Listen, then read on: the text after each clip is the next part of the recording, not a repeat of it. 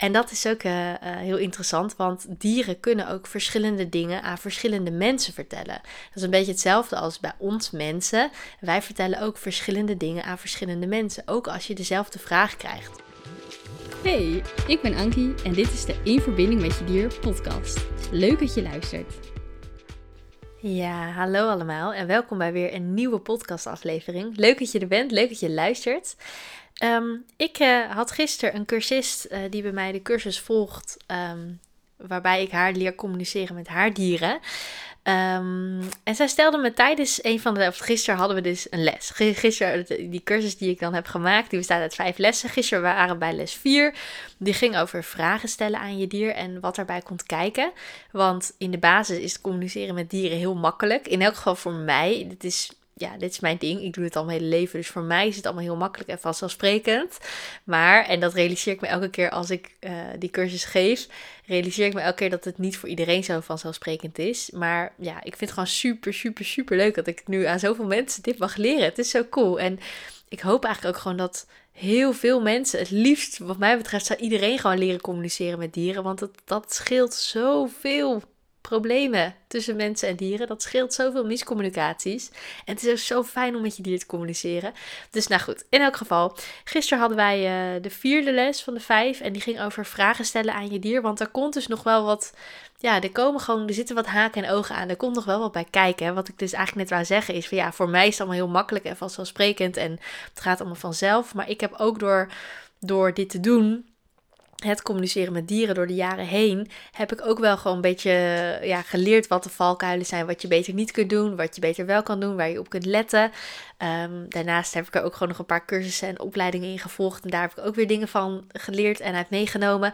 Nou goed, al die kennis heb ik gebundeld in mijn cursus. En uh, ja, gisteren hadden we, had ik het dus met deze cursist over vragen stellen aan je dier en wat daarbij komt kijken. Want de manier waarop jij vragen stelt, heeft heel veel invloed op de informatie die je van een dier krijgt. Dat kun je echt vergelijken met een gesprek. Als jij met, met een mens praat, de manier waarop jij je vragen stelt, heeft heel veel invloed op het verloop van het gesprek. Heeft heel veel invloed op hoe de ander zich voelt. Heeft heel veel invloed op wat de ander met je deelt. En dat is bij dieren eigenlijk precies hetzelfde. Maar goed, tijdens die les uh, vroeg die cursist, uh, had eigenlijk een hele mooie vraag. En uh, die heb ik toen aan haar uitgelegd, met haar beantwoord, zeg maar, aan haar beantwoord. Maar ik dacht, ik ga hem ook even hier in de podcast met jullie delen, met jullie beantwoorden. Want ik denk dat, dat jullie dit ook allemaal heel interessant vinden. haar vraag was namelijk, zij heeft een paard en zij gaf als voorbeeld, ze zei van ja, ik heb, de, ik heb mijn paard. En ze zei, stel dat ik nu met mijn paard ga communiceren en ik ga hem van alles vragen. En dat doe ik op afstand, dus mijn paard staat op stal en ik ben thuis. Want heeft haar paard eh, ergens anders staan, in pensioen staan. Ze zei, stel nou voor dat dat paard komt net, uh, de pensioenhouder komt naar binnen en die gaat mijn paard uit de stal halen en die gaat het paard meenemen, die gaat iets met dat paard doen. Kan dat paard dan tegelijkertijd op afstand nog met mij communiceren? Of is hij dan afgeleid door dat wat hij gaat doen? Dus de vraag is eigenlijk: kunnen dieren telepathisch communiceren en tegelijkertijd ook nog andere dingen doen? En het antwoord erop is ja.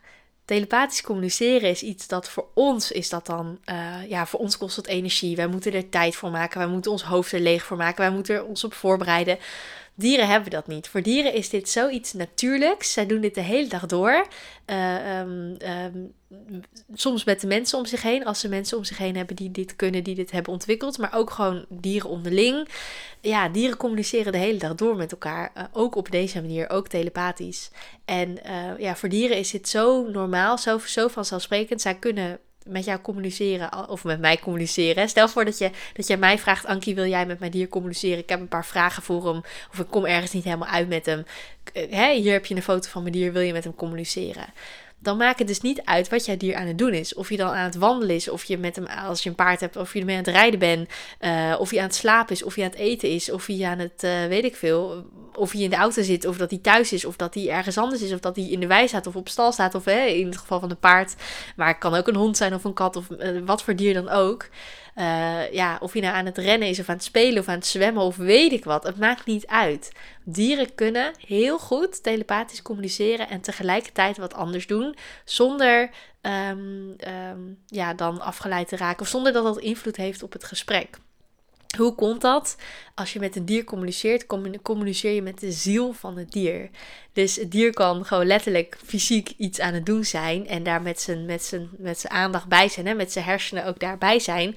Maar zijn ziel kan ondertussen gewoon iets anders doen. Zijn ziel kan ondertussen gewoon uh, met jou communiceren. Het leuke is ook, en dat is iets wat, wat denk ik voor veel mensen uh, um, ja, ook wel verrassend is, is dat dieren ook prima tegelijkertijd met verschillende mensen kunnen communiceren.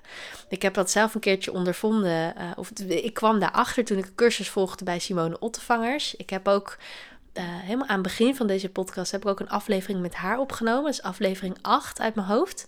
Um, Simone Ottevangers is ook dierentolk en ik heb bij haar een aantal cursussen en, en, en um, een, ook een opleiding waar gevolgd. Heel waardevol. Dikke aanrader.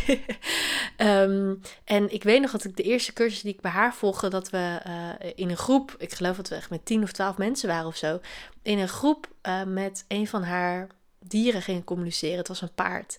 En ik was toen heel verbaasd van, huh, kan dat echt? En wat we dus deden, we maakten eigenlijk met de hele groep contact met dat paard. We stemden allemaal af op dat paard. En Simone stelde de vraag. En wij gingen dan. Dus Simone stelde wel gewoon elke keer nou, een vraag. En wij gingen dan allemaal gewoon uh, we zaten allemaal met ons ogen dicht en dan gewoon voelen, luisteren, uh, ervaren wat er aan informatie bij ons binnenkwam. En wat ook leuk was, was dat we daarna de antwoorden bespraken en dat er heel veel overlap was, maar ook verschillende dingen. En dat is ook heel interessant, want dieren kunnen ook verschillende dingen aan verschillende mensen vertellen. Dat is een beetje hetzelfde als bij ons mensen. Wij vertellen ook verschillende dingen aan verschillende mensen, ook als je dezelfde vraag krijgt. Dus bijvoorbeeld als iemand aan mij vraagt hoe het met me gaat, uh, dan hangt er een beetje van af wie het is en wat voor band ik met diegene heb met wat ik zeg. Dus als dat gewoon een, een random persoon is op straat die ik helemaal niet ken, dan zeg ik ja, gaat goed. Terwijl als, uh, als iemand die heel dicht bij mij staat, hè, een goede vriend of vriendin of, of iemand uit mijn familie aan mij vraagt: Nou, Ankie, hoe gaat het met je? Ja, dan krijgen ze waarschijnlijk een heel ander verhaal. Dan krijgen ze veel meer details of veel meer nuances. Hè. Dan kan nog steeds goed met me gaan. Maar dan kan ik zeggen: Nou, het gaat goed, maar ik heb het hier en hier druk mee. Ik maak me daar en daar zorgen om. Of dit en dit en dit gaat er in mijn, in mijn, in mijn hoofd om. Dus dan is dat echt wel een ander antwoord. Uh, dan de, de, de random persoon op straat uh, heeft gekregen. En zo werkt het bij dieren eigenlijk net zo. Dus het leuke is, uh, dieren kunnen heel goed tegelijkertijd met jou communiceren en ondertussen met andere dingen bezig zijn. Um, ze kunnen ook heel goed tegelijkertijd met meerdere mensen communiceren. Ik doe het nu zelf ook in mijn cursussen.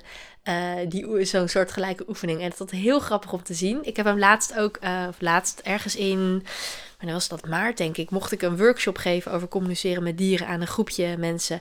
En dat was op een hele mooie locatie waar ik heel veel paarden woonde, ook heel veel andere dieren, maar ook paarden. Um, en toen zeiden we op een gegeven moment, hè, heb ik ze eerst gewoon uitgelegd hoe communiceren met dieren werkt, wat erbij komt kijken, wat dan die haken en ogen zijn waar je een beetje op moet, op moet letten. Um, en daarna zijn we naar buiten gegaan, naar de paarden toe. Um, heb ik aan de, was een groep, een kudde paarden, heb ik aan die kudde gevraagd: is er iemand van jullie, een van jullie paarden, die met ons wil communiceren? Nou, toen kwam er een paard die, had, die zei: van ja, dat wil ik graag doen. Uh, en toen heb ik vragen gesteld en heeft de groep dus allemaal uh, ja, geluisterd eigenlijk naar dat paard.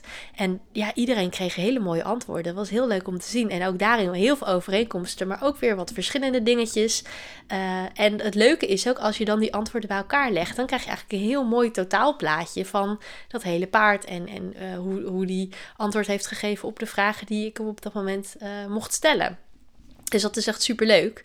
Uh, dus dieren kunnen heel goed tegelijkertijd met jou communiceren en iets anders doen. Ze kunnen heel goed met verschillende partijen, verschillende mensen tegelijk praten.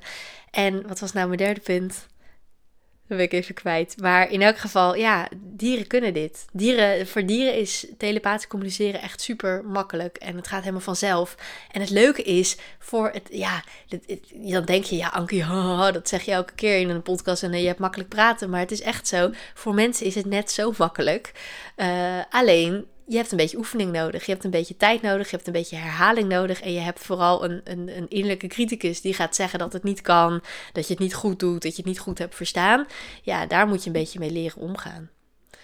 Ik denk dat dat een beetje de kern is. Want ik denk, ik geloof er sterker nog. Ik, dat is echt mijn, dus voor mij mijn waarheid. Iedereen heeft zijn eigen waarheid. Maar voor mij is het echt, ik geloof echt dat telepathisch communiceren voor ons mensen net zoiets natuurlijks is als dat het voor dieren is. Maar dat wij het uh, verleren ik denk dat jonge kinderen dit prima kunnen. En, en zeker ook veel dingen aanvoelen bij dieren. En ook zeker ook met dieren kunnen communiceren. Maar dat je als je ouder wordt, dat je dit vergeet. Dat je dit verliest omdat wij in een maatschappij leven waarin je super erg wordt aangemoedigd uh, om in je hoofd te zitten en dingen te analyseren en dingen te bedenken en veel minder te voelen. Terwijl je hebt voor het communiceren met dieren, je hebt echt je gevoel nodig. Je moet echt verbinding kunnen maken met je gevoel. Want als dat niet lukt, dan, dan kun je het ook niet meer. Ja, ik kan het eigenlijk wel. Ik kan communiceren met dieren misschien wel omschrijven als het is een manier van communiceren vanuit je gevoel. En ik heb zelf een fase in mijn leven gehad, een periode in mijn leven gehad, waarin het me niet lukte om met de dieren te communiceren, terwijl ik wist dat ik het kon, omdat ik op die in die periode, op dat moment, zo ontzettend veel stress had, dat ik me helemaal afsloot voor die stress, want die wou ik niet voelen, maar daarmee sloot ik me af voor al mijn gevoel. En ik weet nog dat, dat dieren toen tegen mij zeiden van... Ja, Ankie, wij zeggen van alles tegen jou, maar het komt niet meer binnen. Je hoort het niet goed. Dus laat maar, weet je. Dat ook, ook, ik had ook echt wel dan dieren die... Want toen deed ik het nog niet voor mijn werk, hoor. Maar toen was het gewoon uit mijn persoonlijke interesse... dat ik met mijn eigen dieren communiceerde... of met dieren die ik dan bijvoorbeeld eh, tegenkwam als ik een wandelingetje ging maken. Dus was, eigenlijk was ik gewoon meer voor mezelf ook dan aan het oefenen. En dat er dan echt dieren waren die zeiden... die een beetje... Uh, ja een beetje zoiets hadden van ja, laat maar zitten, weet je. Ik, kan wel, ik zeg van alles, maar het komt niet binnen bij jou. Dus laat maar, laat maar. Ik, ik, ik probeer het ook niet meer. En later is het allemaal goed gekomen, want toen kwam ik zelf weer meer in balans, zelf weer meer in mijn gevoel. En toen lukte het wel weer. Maar dat, ja, ik geef het voorbeeld even om te illustreren dat het, het is echt communiceren vanuit je gevoel. Je hebt je gevoel echt nodig. En ja, als klein kind denk je hier niet bij na. Gaat het allemaal vanzelf? Is het eigenlijk heel vanzelfsprekend? Is het normaal? En op een gegeven moment word je ouder en realiseer je dat dit niet normaal is. Dat was in ieder geval in mijn geval het, ding. Dat ik me realiseerde van, oh, communiceren met dieren. Oh, nou, dat uh, vinden mensen helemaal niet normaal. Sterker nog, heel veel mensen zeggen dat het niet kan. Dus ging ik ook aan mezelf twijfelen. Dacht ik, ja, dan kan het. Ja, misschien verzin ik het wel zelf. Misschien heb ik gewoon een hele grote fantasie. Um, dus ja, we, we, we, raken er dan als mens zijn, als kind zijn, als je opgroeit, raak je er een beetje van verwijderd. Maar dit is iets wat iedereen kan. Dit is iets, zoiets natuurlijks. En ik hoop eigenlijk dat ik dit gewoon. Dat ik jullie allemaal eraan mag, eigenlijk er als het ware aan mag herinneren dat je dit gewoon kan met je dier. Want hoe mooi zou de wereld zijn als iedereen gewoon lekker met zijn dier kan communiceren? Hoeveel problemen zou dat schelen? Ja, dat is echt, uh, dat is echt een beetje mijn missie.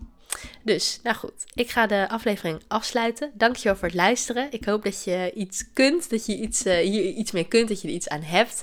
Als je het nou interessant vond of leuk vond of je wil hier iets over kwijt, stuur me even een berichtje. Laat me weten wat je ervan vond van deze aflevering, want dat vind ik super leuk om te horen.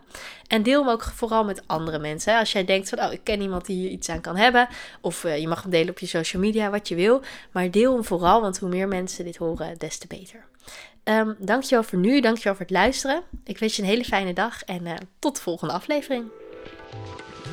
Leuk dat je hebt geluisterd naar de In Verbinding met Je Dier podcast. Vond je nou interessant? Deel hem dan vooral met anderen en laat mij weten wat je ervan vond. Wil je nou meer inspiratie en tips ontvangen? Volg me dan ook op Instagram, dierencoachankie. Tot de volgende!